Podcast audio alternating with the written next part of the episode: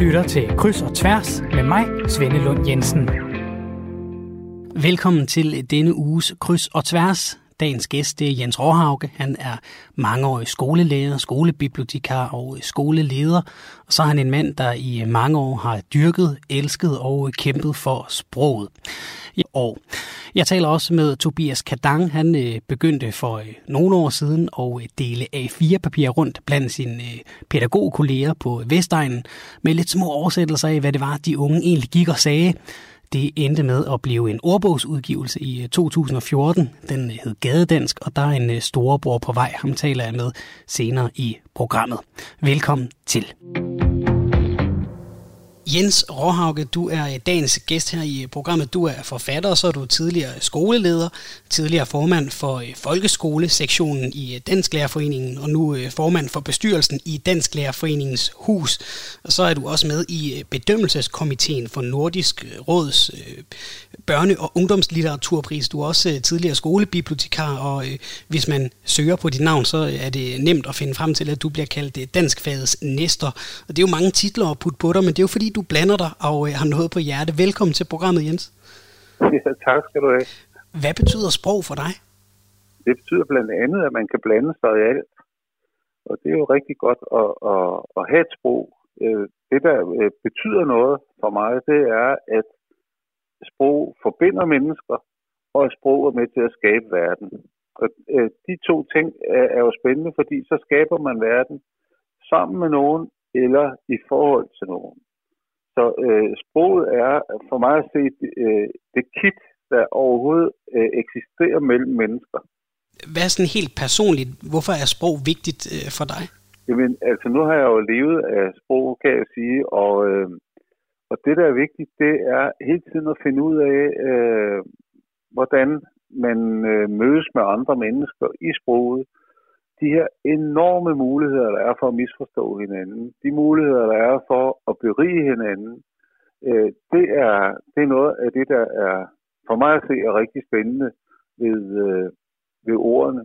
Og så øh, kan jeg måske bedst udtrykke det ved et digt, som Dan Tyrell engang lavede. Det er Alhambra Blues digt nummer 14, hvor han siger, om jeg tror på Gud, ja da, jeg skaber jo selv.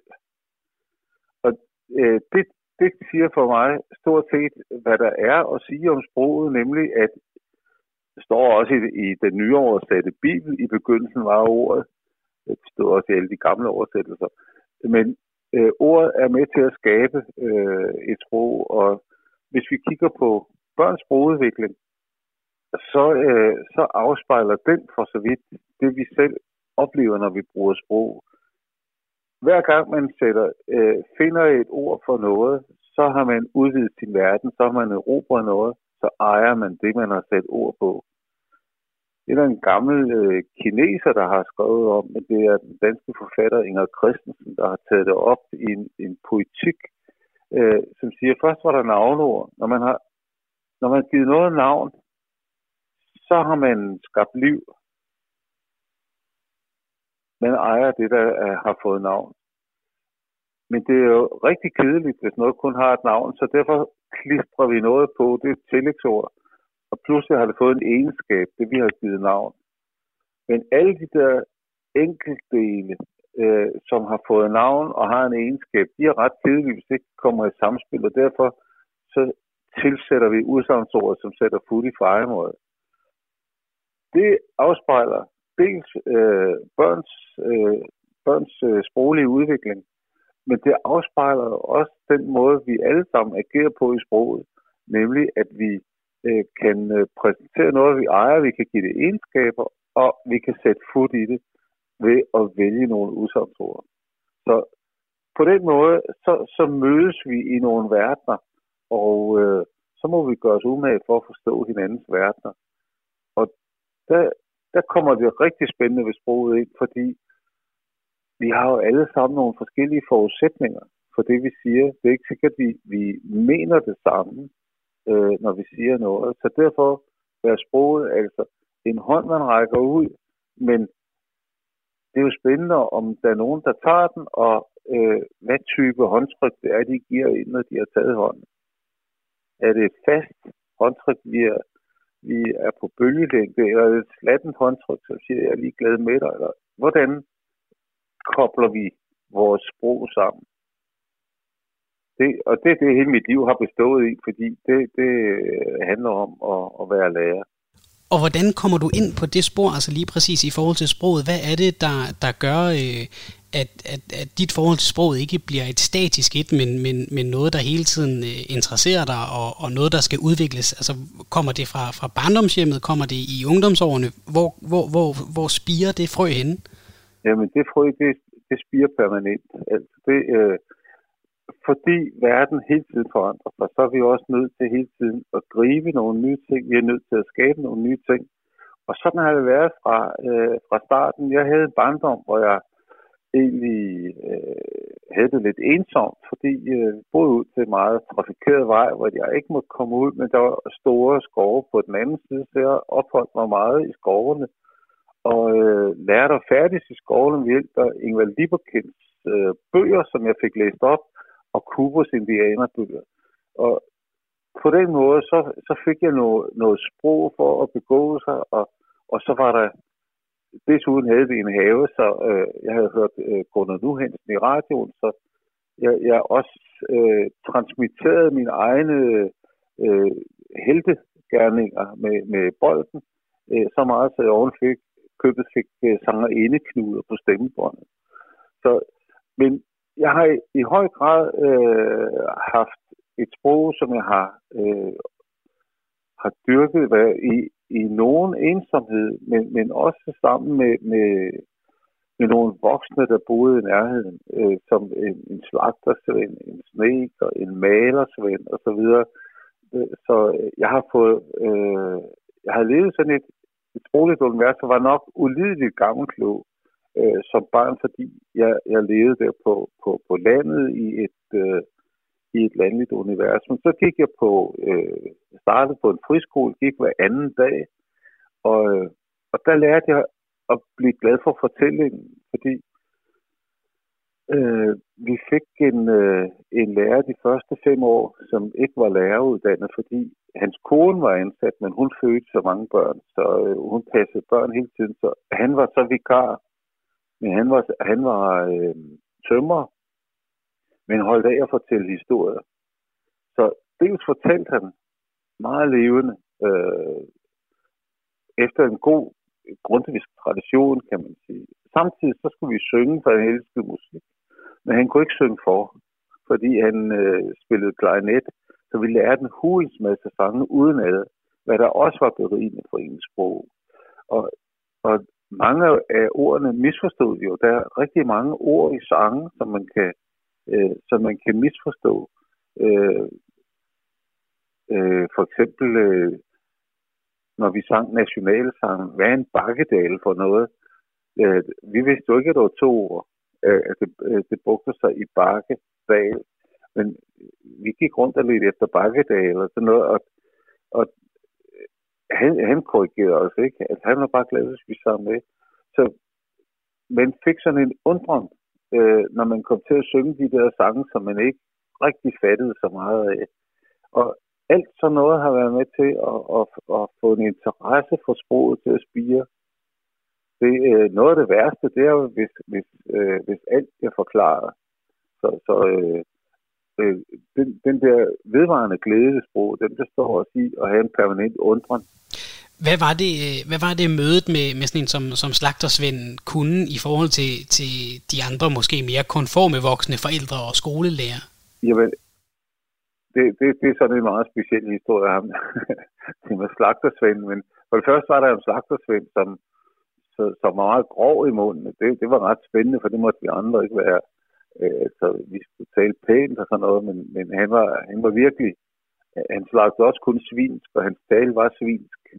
Men den anden slagtersvend, han slagtede kun kreaturer, og øh, han vaskede dem først, fordi man slår ikke ind i el, der er beskidt, for eksempel. Og han, øh, han havde en adfærd, der var præget af en enorm værdighed over for de dyr, og han talte værdigt til en ko, inden han knaldede en boldrammer i panden på den. Og øh, og han sagde mærkelige ting. Og så fandt vi ud af, at han altid gik øh, rimelig lang tid på, på det der bas, der var, og, og øh, når han var, havde afsluttet øh, en slagtning af et kreatur, og det undrede os, at han, han øh, havde en fordøjelse, øh, der krævede, at han skulle sidde der så længe. Så vi sneg os ud og fandt ud af, at han på et tværbræt over døren, der havde han Dantes guddommelige komedie liggende, så han sad og læste en bog, og vi kunne ikke rigtig selv øh, læste, men, men fik stadig os gennem nogle af ordene, og det var dybt mærkeligt. Men var på den anden side øh, gav en trang til at lære at læse. At, at noget kunne være så spændende, så man kunne sidde derude, øh, kun oplyst af, af det hul, der var i døren gennem hjertet. Da lyset kom gennem det hjerte, der var i øh, savet i døren. Så, øh, sådan nogle ting var også med til at, at, at, at gøre det spændende. Så vi, vi havde simpelthen den meget grove, øh, grovmundede øh, slagtersvend, og så havde vi den der raffinerede øh, mand, som, som øh, levede med, med døden øh, tæt inde på, fordi han hele tiden slog ihjel, men samtidig øh, interesserede sig for, for øh, hvad, hvad, hvad sker der med os øh, øh, sidenhen. Og han, han talte altid meget, meget værdigt til os. Så vi, vi fandt ud af, at, at øh, sprog har mange forskellige universer. Og lige om lidt øh, taler vi mere om, øh, hvad der øh, så sker med, med sproget i dit liv senere hen. Jens Råhauke, du er dagens gæst her i programmet. Noget vi også gør hver gang, det er, at vi har et ord, som har en særlig betydning for dig, som vi skal tale om til sidst i programmet. Og vi har klippet ordet i stykker og drysser bogstaven ud over programmet, så kan du, kære lytter, forsøge at gætte, hvad det er, vi staver til igennem udsendelsen. Du kan skrive en sms til 1424, og så øh, skal du skrive R4, et mellemrum, og så dit bud på, hvilket ord det er. Jens, må jeg bede om det første bogstav i øh, dagens ord? Ja, det må du godt. Slagtersvind, det, rummer, øh, det slutter på et stumt D, så derfor må det være N af det første. N er dagens første bogstav. Hvad betyder en hjælpepakke? Hvis nu man er ret gammel, og man har brug for noget hjælp, så får man en pakke, der kan hjælpe en. Hvad kunne der være i en hjælpepakke? Måske en rollator. Hvad tror du trepartsforhandlinger betyder? At tre er med til at prutte om prisen. Jens Råhauke, du er dagens gæst her i øh, programmet. Du øh, bliver uddannet lærer i øh, 71 og har siden også været både skoleleder og skolebibliotekar. Der er jo, der er jo sket meget siden dengang med, hvordan vi går både til sproget og folkeskolen. Sådan rent sprogligt, hvad har været, hvis du skal fremhæve noget, de vigtigste udviklinger, som dem, som, som, som, som står ud for dig?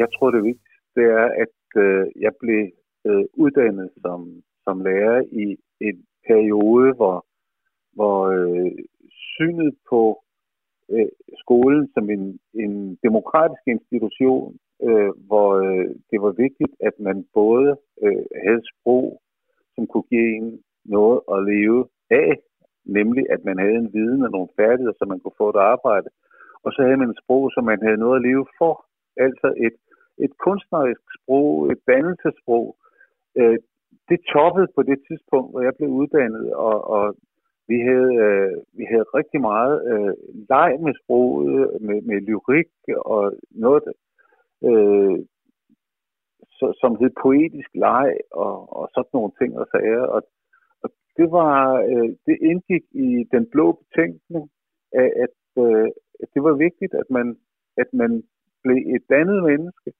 øh, så, som, øh, som øh, også kunne, øh, kunne få et fagsprog. Og, og øh, det har været, det har simpelthen været en fantastisk, øh, et fantastisk privilegium at være vokset op i den tidslomme. Fordi øh, ganske kort tid efter begyndte man jo at, øh, at, at lægge hovedvægten på, at folk fik noget at leve af, og ikke nødvendigvis skulle have noget at leve for. Og, og det afspejler sig jo også i sproget at sproget bliver mere og mere øh, et instrument. Det bliver øh, til, til kommunikation i højere grad, end det bliver til, øh, til noget, der binder der binder mennesker sammen på andre måder end, øh, end, end sådan det, det rent konkrete, det rent tekniske, det rent instrumentelle. Altså det der med, at, at man også kan blive bundet sammen på en poetisk måde, det, det øh, har fjernet sig fra skolens, øh, fra skolens univers, og det, det blev så under den seneste folkeskolereform meget markant, at, øh, at det, der hedder fiktion, det, der hedder øh, kunst, det er blevet i baggrunden, fordi nu er det journalistiske genre, der er ind. Tingene skal kunne måles og vejes. Og, og det, det påvirker jo sproget øh, ganske meget, at man fjerner, øh, man fjerner fiktionens sprog, po, poesiens sprog fra, fra undervisningen. Så i den forstand øh, har jeg været rigtig lykkelig over at være øh, vokset op i en rigtig tidslom, øh, kan man sige.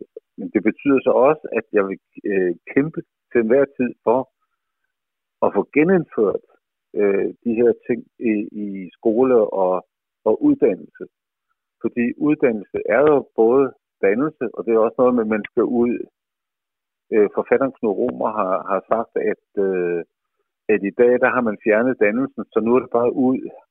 Og, og øh, det synes jeg er, det er så fat. Så, så, øh, så, så derfor så øh, er jeg altså vokset op i en periode, hvor vi har lov til at lege med sproget, og man har lov til netop at skabe ved hjælp af sproget. Hvis der nu sidder nogle, nogle kampfælder derude, som ikke nødvendigvis kæmper deres kamp den, den politiske vej, men måske hellere gør det i privaten som, øh, som forældre eller bedsteforældre til, til børn, der går i skole, hvad, hvor, hvordan kan man så give dem det, der mangler? Hvad skal man, hvad skal man læse for dem? Hvordan skal man tale med, med ungerne?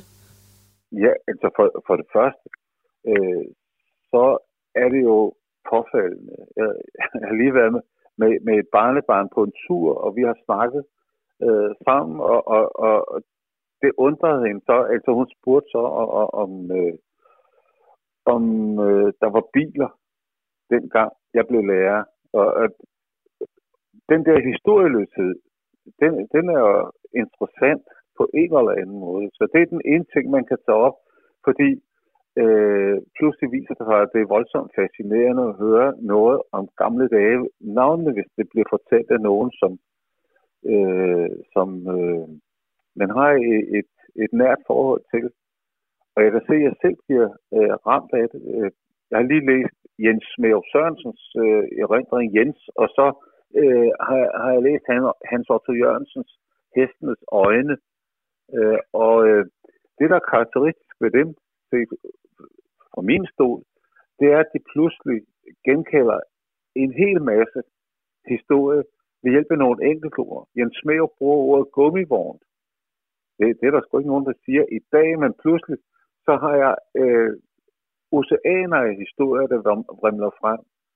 Øh, den øh, kære øh, Hans Otto Jørgensen, han nævner ordet siderive på, på en traktor. Det, det er jo også passé, men det er den ene ting, at, at man pludselig ved at læse nogle ting, øh, som er ældre dato, der får man foræret nogle historier, som man kan begynde at fortælle øh, om den her fantastiske udvikling, der er sket i løbet af de sidste øh, 50-60 år.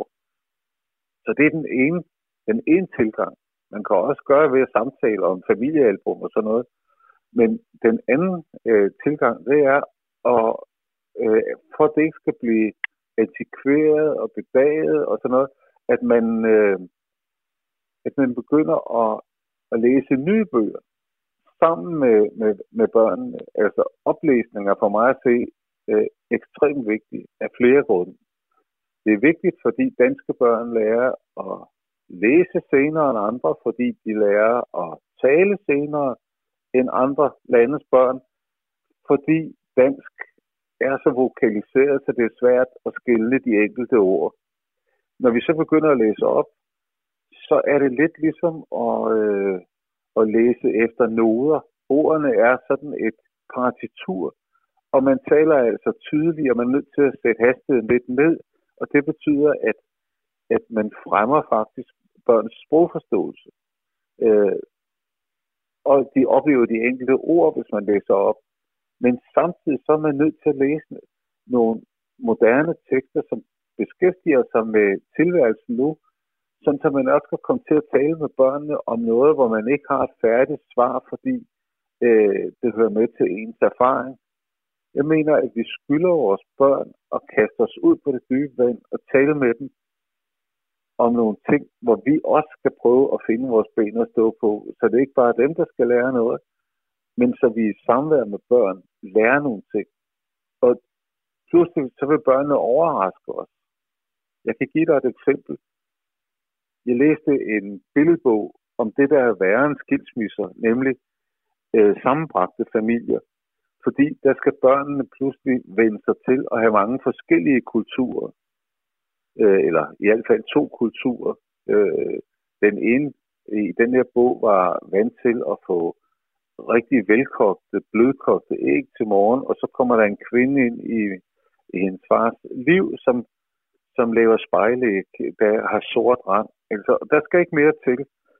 Øh, det her, øh, det går i opløsning, men de begynder så alligevel at savne hinanden, de flytter sammen, øh, og, og så bliver det hele surrealistisk, så pludselig kan man se, at de har et gummitræ i huset, og der vokser så et, et, øh, et bildæk på det her gummitræ på billedet i bogen.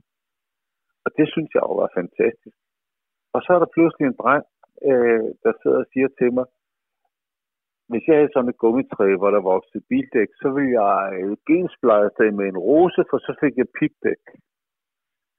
Og altså det, at jeg har ikke tænkt på gensplejsning i forbindelse med det, jeg har bare tænkt på surrealistiske billeder. Men der sidder altså et barn med nogle andre forudsætninger.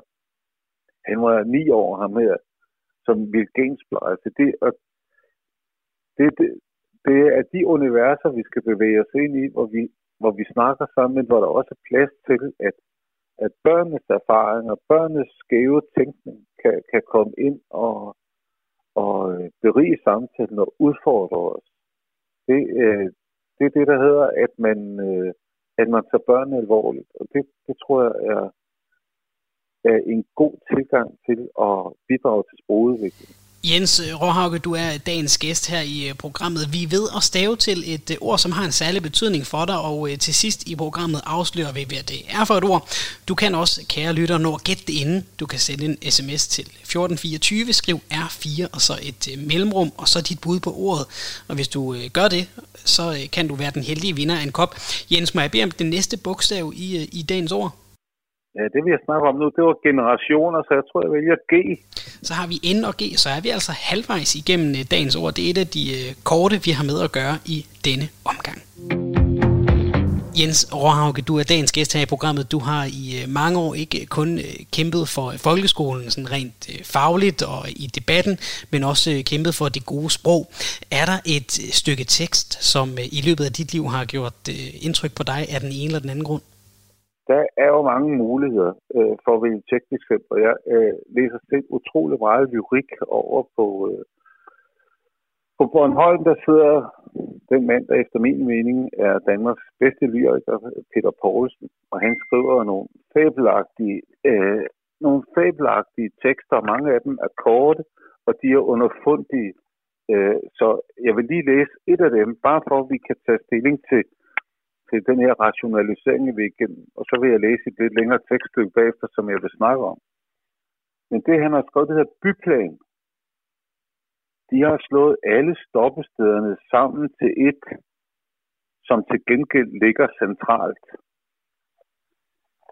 Det synes jeg er et fantastisk Så, øh, hvor, hvor, man, øh, hvor man ser det for sig, altså den her, øh, og navnet hvis man bor i udkants Danmark, så kan man godt se, at at øh, hvad det er for noget, det her centralisering. Og, og, og han laver så sådan et billede på det, som, øh, som siger, lad, lad os så rationalisere helt, så vi kun har et ståsted. Det skal bare ligge separat. Det er noget af det bedste, jeg har hørt om den der destillering af, af samfundet. Er det ikke fint? Det er rigtig fint. Jeg synes, det, jeg synes, det er. Og, og, og han har den slags, øh, han har den der slags øh, syner, kan man næsten kalde det, som, som han formår at, at, at skrive, så man både smiler, og så er det ganske forfærdeligt, det der står. Altså, Nå, men i 1985, der, der øh, fik jeg en bog øh, forærende, som hedder De Rigtige Elskere. Den er skrevet af en svensk forfatter, der hedder Lars Olof Franzén. Og jeg kom til at læse den bog, som, øh, som egentlig handler om Georg Brandt øh, og, og Georg Brandes liv.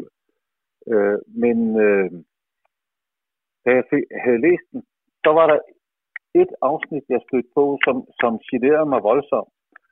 Så øh, for at finde ud af, hvad, hvad er det, der ligger til grund for det, der står i, i det afsnit. Og derfor er 1985 det år, hvor jeg kun har læst én bog som fritidslæsning, og det var den her bog, som jeg så fik læst så mange gange, så den var løsbladet, selvom den var garnhæftet. Men der står altså så, øh, hvor, hvor øh, hovedpersonen, som er en teaterkritiker, han kollapser under et øh, kondiløb, og så ligger han øh, på, på hjertemedicinsk afdeling, hvor læger og sygeplejersker står rundt om ham, og han ligger i koma, men de taler om tjenestetider og afspacering og ferie og sådan noget, og han kan jo høre det hele, selvom han er i koma, og den tanke, der så er, er inde i ham, det er det, jeg læser op nu fra citat fra bogen. Jeg er i nattens vold. Denne tunnel fører til helvede. Den burde skråne mere, drøbe af fugt og mørke, utætte vandrør, erindringer om heste, der løber løbsk i en svunden tid. Må det snart være overstået. En stormflod vil bryde ind. Halvdelen af det svenske folk kæmper for solidaritet og ufrihed. Den anden halvdel slås for illoyalitet og frihed. Resultat? Illoyalitet og ufrihed.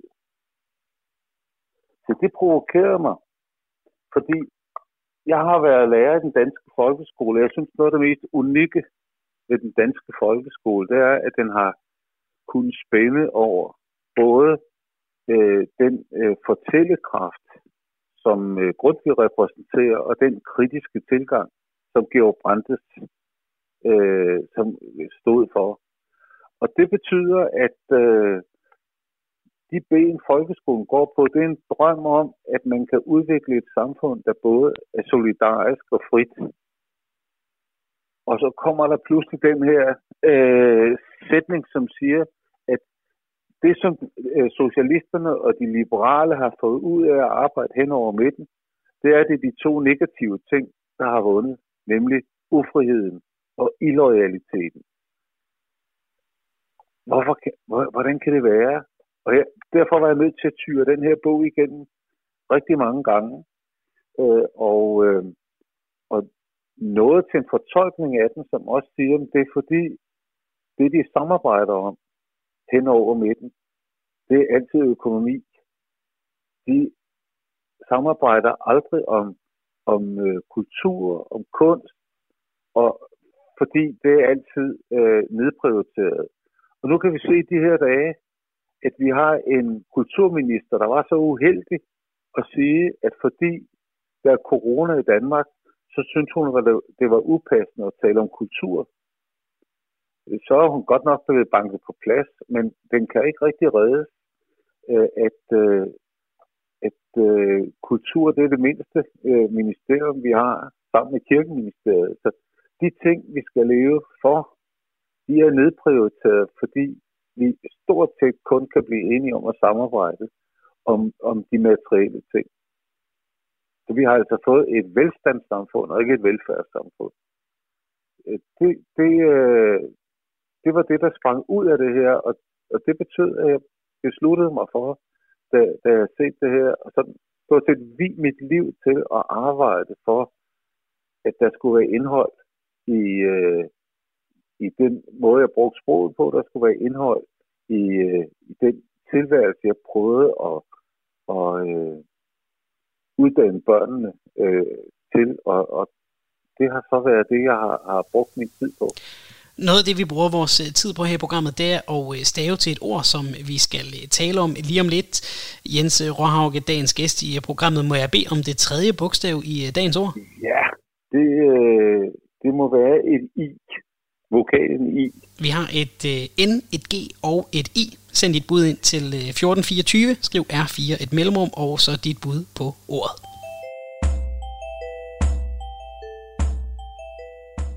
Hvad betyder det at løbe om hjørner med nogen? At nogen siger, vi løber om hjørnet. Jens Råhauge, dagens gæst i øh, programmet. Vi skal også tale om en gang, hvor det, hvor det talte ord har gjort, har gjort indtryk, og øh, som øh, skolelærer og skoleleder i mange år, så har du garanteret gjort indtryk på mange selv. Det er jo tit der, vi, vi vender tilbage, når vi skal prøve at finde en eller anden gang, hvor det talte ord har gjort indtryk. Det er så, er der en eller anden lærer, der har sagt, du bliver aldrig til noget, eller måske en eller anden lærer, der har sagt, nej, bliv ved, du kan blive til noget. Øh, hvad er en gang, hvor det, hvor det talte sprog har gjort indtryk på dig? Øh, jeg, ja, der, er, der er mange eksempler på, på øh, hvordan det talte sprog har været med til at ændre ens verden. Altså for eksempel, da, øh, øh, da jeg var ude for at tale med øh, forfatteren Svend Aage Madsen i Rigskov og fortalte ham, at man nu i folkeskolen ikke længere skal skrive fiktion, men kun skal skrive journalistiske genre og sagprosa. Øh, så sagde den her gamle kloge mand, og så tog han sig bare til hovedet, og så sagde han, hvis det havde været sådan i min skoletid, så havde jeg aldrig gennemført. Og så nogle små, øh, så nogle små øh, stik øh, kan, kan ramme en, når, når folk, som man virkelig beundrer, øh, de øh, kommenterer en forbandelse, som er i tiden. Øh, det, det, er, det er jo i hvert fald én ting, men, øh, men ellers så tror jeg nok, at øh, du næsten har taget øh, ordene ud af munden på mig, for det der med, du kan godt, det, det tror jeg, øh, jeg kan huske fra, øh, fra min barndom, hvor jeg havde, øh, jeg havde meningitis og lå øh, først på, på en lukket øh, epidemiafdeling, og så blev jeg så lukket ind, og dengang der var der ikke noget, der hed børneafdeling, og så lå sammen med en gammel lærerinde, fru Lars, øh, umiddelbart efter, at jeg havde fået min følelighed igen, og hun tog så fat på at skulle lære mig at læse øh, der i, i hospitalsengene. Det, øh, hver gang der var noget, øh, der var svært, så sagde hun bare, det kan du sagtens. Og så, øh, jeg tror sgu aldrig, jeg kunne. Jeg tror, at det var hende, der så sagde, hvad der stod, men jeg var fuldstændig overbevist om, det var mig selv, der havde gjort det. Det er det, du kan jo sagtens. Det gav et enormt livsmod oven i, i, øh, oven i de andre, øh, øh, oven i de andre øh, sådan faktorer, der spillede ind, hvor jeg havde brug for livsmod. Hun var virkelig en livsklog dame, som kunne sige de rigtige små bemærkninger på det rigtige tidspunkt. Så, så øh, jeg tror, de fleste af de ting, der har, der har flyttet noget for mig, det er, det er små bemærkninger, hvor situationer pludselig har, står i et nyt skær. Jens Råhauge, du er øh, dagens gæst her i programmet. Må vi bede om det sidste bogstav til øh, det ord, vi skal tale om lige om lidt, som øh, har en særlig betydning for dig? Ja, så vidt øh, jeg kan huske, så må det være et E. Et E. Nu har vi de øh, fire bogstaver. Send en sms til øh, 1424. Send, skriv R4, og så et mellemrum, og så dit bud på, hvilket ord bogstaverne E, N, G og I danner, så øh, kan det være dig, der vinder en øh, Radio 4 kryds og tværskop. I 2014 der kom øh, ordbogen Gadedansk. Den var lavet af Tobias Kadang og øh, Ali Sufi. Og som øh, Tobias Kadang, en af mændene bag, siger, så var det øh, årets julegave 2014. Den var sådan lidt et, et kuriosum. Det er spændende, når der sker noget nyt inden for øh, sprog. Der er en tor på vej. Den kommer øh, næste år. Jeg har talt med Tobias Kadang om, hvad den her øh, toer kommer til at øh, indeholde af nye ord, og hvad man kan bruge den her viden, den her kendskab til gadedansk til. Men allerførst spurgte jeg ham om, hvordan øh, ideen til den første ordbog, altså gadedansk, der kom i 2014, opstod. Jeg arbejdede på det tidspunkt på Københavns Kommune, Øhm, og så øhm, arbejdede jeg øh, i en masse ungdomsklubber, hvor jeg blev sendt ud, fordi jeg var støttepædagog. Øhm, og øhm, i, i takt med, at øh, jeg var mand, og at øh, der vi havde mange øh, nogle uhensigtsmæssige uh, unge grupperinger ude i, i nogle boligsociale områder, så blev jeg sendt derud.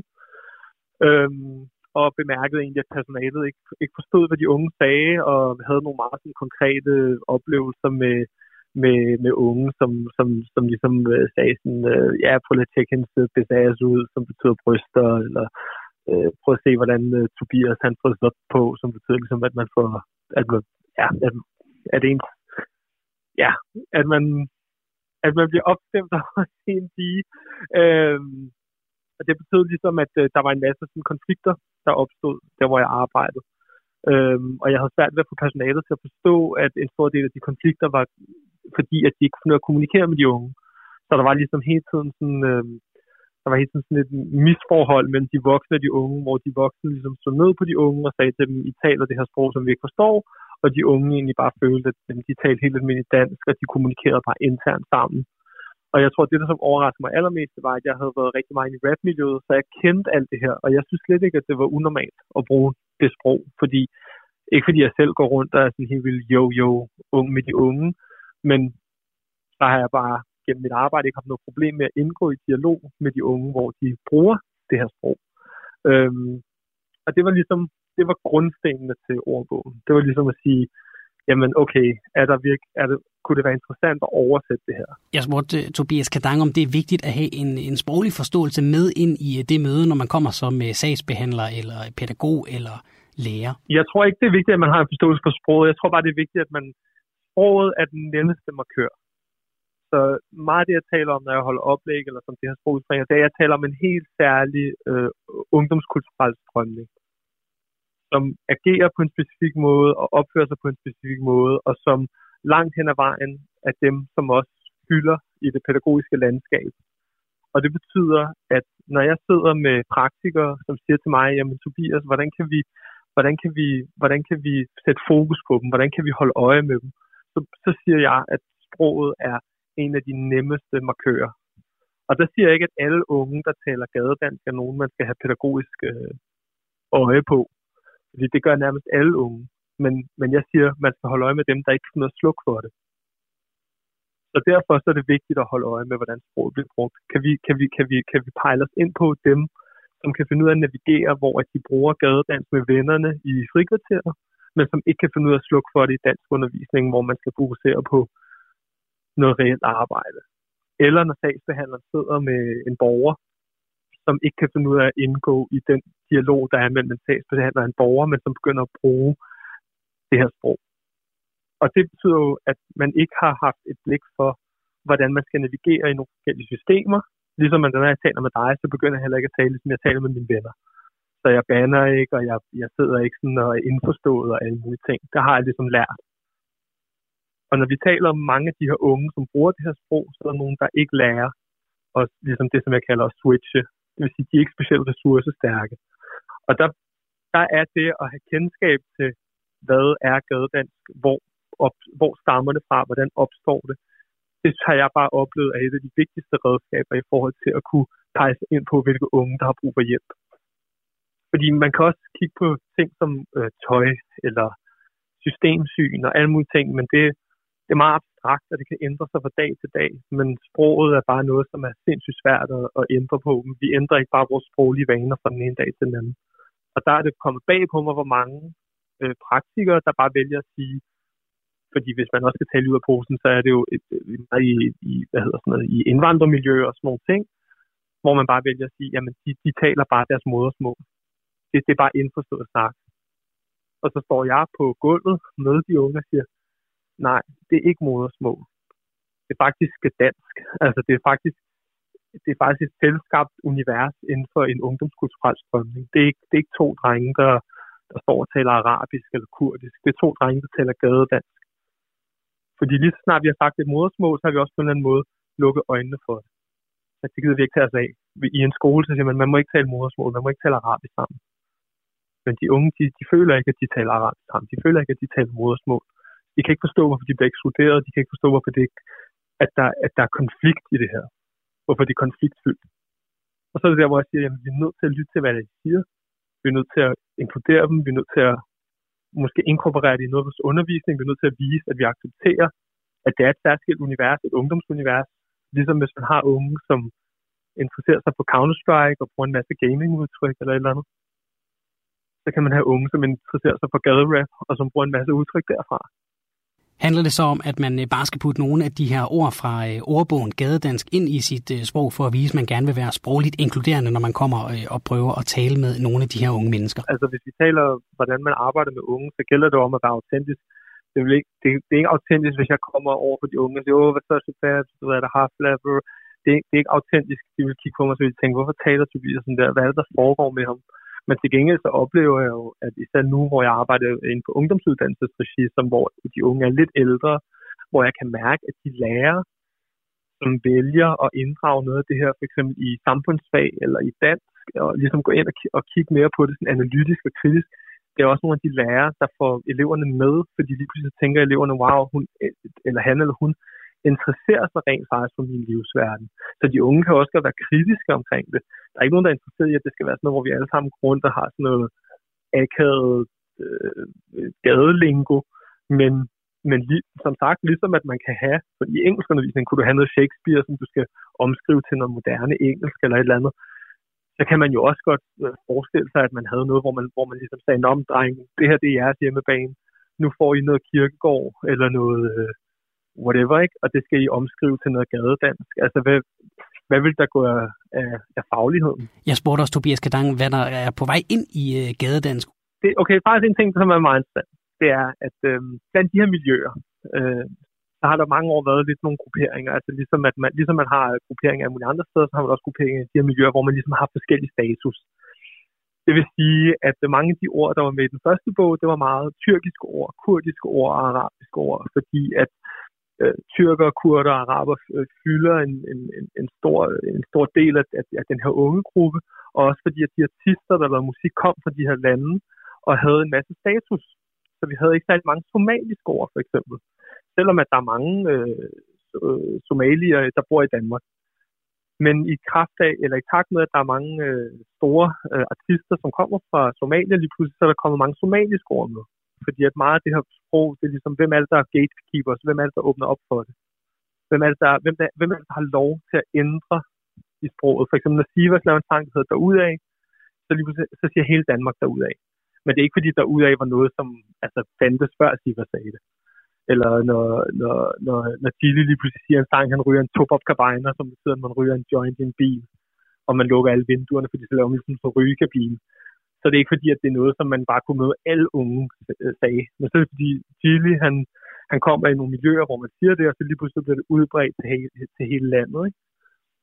Og det betyder også for eksempel, at, at når man så har, hvad hedder det, øhm, når man for eksempel har en artist som Jamaica, som er meget, meget populær somalisk øh, øh, rapper, så siger han for eksempel sådan noget øh, Gardi, eller et eller andet, som er somalisk for bil, eller Altså sådan, det, det betyder bare lige pludselig, at hvor, hvor vi havde, vi havde en, en bog, der havde et ord. Vi havde Amus, som var stille, stille, stille og roligt. Amus, Amus, det betyder sådan stille, stille på somalisk. Til lige pludselig, at næste bog kommer til at være 20 ord. Og det, og det er super interessant, fordi lige netop øh, det miljø har været meget sådan, lidt sådan set ned på af, af, af de unge og alle de her ting. Så det, så det viser også, ligesom, at gennem sproget kan man få status. Ikke? Øhm, og det synes jeg er mega interessant. Og så vil jeg så også bare sige, at i den første bog, der var vi lidt påpasselige med at, ligesom, der er også et negativt aspekt i det her. Det vil sige, der er også ligesom øhm, et bandemiljø og sådan noget, som bruger det her sprog også til måske sådan at, at gemme ting, eller, eller ligesom skjule ting på politiet og sådan noget. Og der var vi meget sådan, det vil vi ikke dække så meget i den første bog. Vi var sådan, ej lad os bare fjerne det, fordi så er det det eneste fokus, der bliver. Øh, hvorimod så i den her bog, der kommer nu, der, der, der kommer det til at være en del af bogen, fordi jeg vil gerne have, den mere fyldesgørende. Og ambitionen er, at der skal være, den første øh, bog var der, jeg tror, der var 400 eller 450 ord og vendinger, ikke?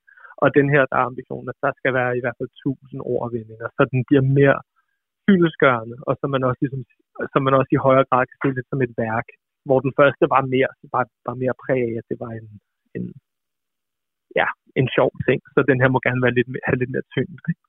Til sidst bad jeg også Tobias Kadang om at fremhæve nogle yndlingsord i den her øh, gadedansk ordbog. Jeg har et par udtryk, ikke? men altså, jeg har et top, top tre. Det vil nok være, at øh, det ene, det er tom, ligesom jeg er en tom snakker, eller jeg snakker tom. Det betyder, at alt, hvad jeg siger, var ligegyldigt. Det, det, ord, det udtryk elsker jeg bare. Man kan også være te, det er det samme. Og når jeg skriver med de unge, så tit skriver jeg bare, fordi jeg hedder Tobias, skal bare hilse en te, fordi jeg ikke tænker mig om. Og for dem er det bare sådan, at jeg bare sviner mig selv til helt vildt. Hver gang, hver gang jeg ser dem, så er de bare sådan, du kan ikke skrive te, fordi det er ligesom, så alt, hvad du har skrevet, er bare ligegyldigt. Det, det synes jeg bare er vildt sjovt. Øhm, og så kan jeg rigtig godt lide også et udtryk, øh, som er, at man, viser, at man har vist fjæs, at man viser fjæs. Det er også et udtryk, som jeg elsker. Det betyder bare, at man er ligesom man er blevet for flink, eller man er blevet for godtroende, eller man har for, meget for høje tanker om sig selv. Ellers så elsker jeg bare, hvis det skal være mere sådan eksotisk, så kan jeg bare rigtig, rigtig godt lide ordet shabab faktisk, som bare betyder ven. Det, det, det, det er også nok mit yndlingsord. Jens Råhauke, dagens gæst i øh, programmet, en, et, et hadeord eller en sprogaversion. Har du, har du sådan en? Jeg har mange. Det, øh, de øh, ord, som jeg øh, afskyr, det, det er ord, som adskiller mennesker, i stedet for at binde mennesker sammen. Jeg har øh, været meget interesseret i øh, en øh, jødisk sprogforsker, der hedder Klemperer, som har skrevet noget om, om sproget i Nazi-Tyskland, og, og hvordan sproget var med til at, at skabe dem og os. Og det samme synes jeg, man kan se i, i en dansk sammenhæng, hvor hvor vi er blevet meget, øh, vi er blevet meget øh, som dem og os fixeret. Øh, så og øh, Klimper sagde, at det var øh, sprogligt at putte små doser arsenik i sproget, for hver gang man sagde noget, lød det ikke så meget. Men ligesom med arsenik, så, øh, så øh, bliver man forgiftet. Og hvis vi kigger på pressemøderne i, i dag, øh, på øh, tre gange om dagen i, i øh, fjernsynet, så kan vi se, at man for eksempel øh, er begyndt at kalde borgere eller befolkning for danskerne. For mig at se, at det et arsenikord af de værste, fordi øh, hvad med folk, der opholder sig i landet, som ikke er danske statsborgere? Øh, kan de ikke opføre sig ordentligt under coronakrisen? Må de gerne blive smittet af corona. Hvor, øh, altså, det er bare et eksempel. Et andet eksempel øh, øh, på, øh, at man bruger øh, sådan nogle dem og også ord, det, det er når, når vi, øh, når vi for eksempel øh, ikke længere skal gøre noget af hensyn til hinanden, men gøre noget af hensyn til samfundet, hvor man kan se magtens sprog trænger ind. Øh, vi skal vise samfundssind, siger man nu. Det betyder, at vi alle sammen skal gøre noget af hensyn til samfundet. Den eneste grund til, at jeg ikke må blive smittet og ikke må dø, det er af hensyn til hospitalsvæsenet. Men hvis vi holder af hinanden, så skulle vi jo netop vise solidaritet og ikke samfundssind.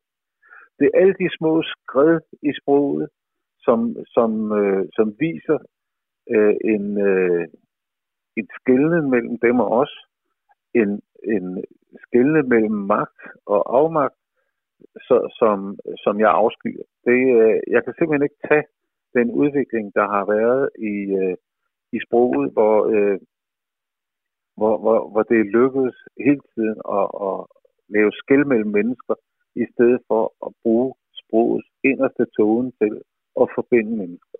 Og Jens Råhauke, nu er du heldigvis en øh, mand, der har mere kærlighed end øh, afsky til øh, sproget.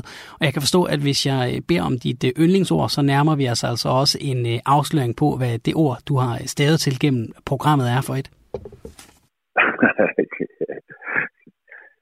det, der, der er jo rigtig mange ord, som, som er rigtig dejlige. Jeg har jeg har en yndlingsbog som i landet med den store ordfabrik, hvor, øh, hvor, som fortæller om, hvordan forskellige mennesker øh, har forskellige sprog. Her, her skal man købe ordene, og, og det vil sige, at alle de rige, de kan købe mange ord, men de fattige, de kan ikke købe nogen. Og øh, der er en dreng, han, han kan ikke sige noget, men han er dybt forelsket i Celine. Og øh, på næst sidste side, der kysser Celine ham på kinden. Og han har kun et ord, han kan sige, for det har han fundet i en skraldespand. Og det er det ord, I skal gætte. Men det er mit yndlingsord. Og han bliver kysset på kinden, og det eneste ord, han kan sige, det er igen. Og så kysser hun ham igen på kinden, fordi det er så oprigtigt, når han siger det, så hun vælger ham frem for dem, der kan alle ordene. Så, og grund til, at det er mit yndlingsord, det er, at her, her bliver det brugt sådan, så øh, det dækker en det dækker en ægte følelse, og ikke bare en tillært følelse, som dem, der har købt mange ord, som er i stand til. Det skal man jo vide, der er farligt, også der beskæftiger os med sprog. At man kan bruge det til at skabe med, men man kan også bruge det til at snakke sig ud af noget. Det var en, en dejlig historie om, øh, om ordet igen.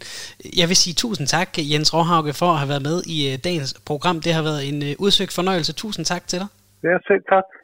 Det var også, hvad Kryds og Tværs havde på programmet for i dag, inden vi igen er tilbage. Det er vi naturligvis på næste søndag.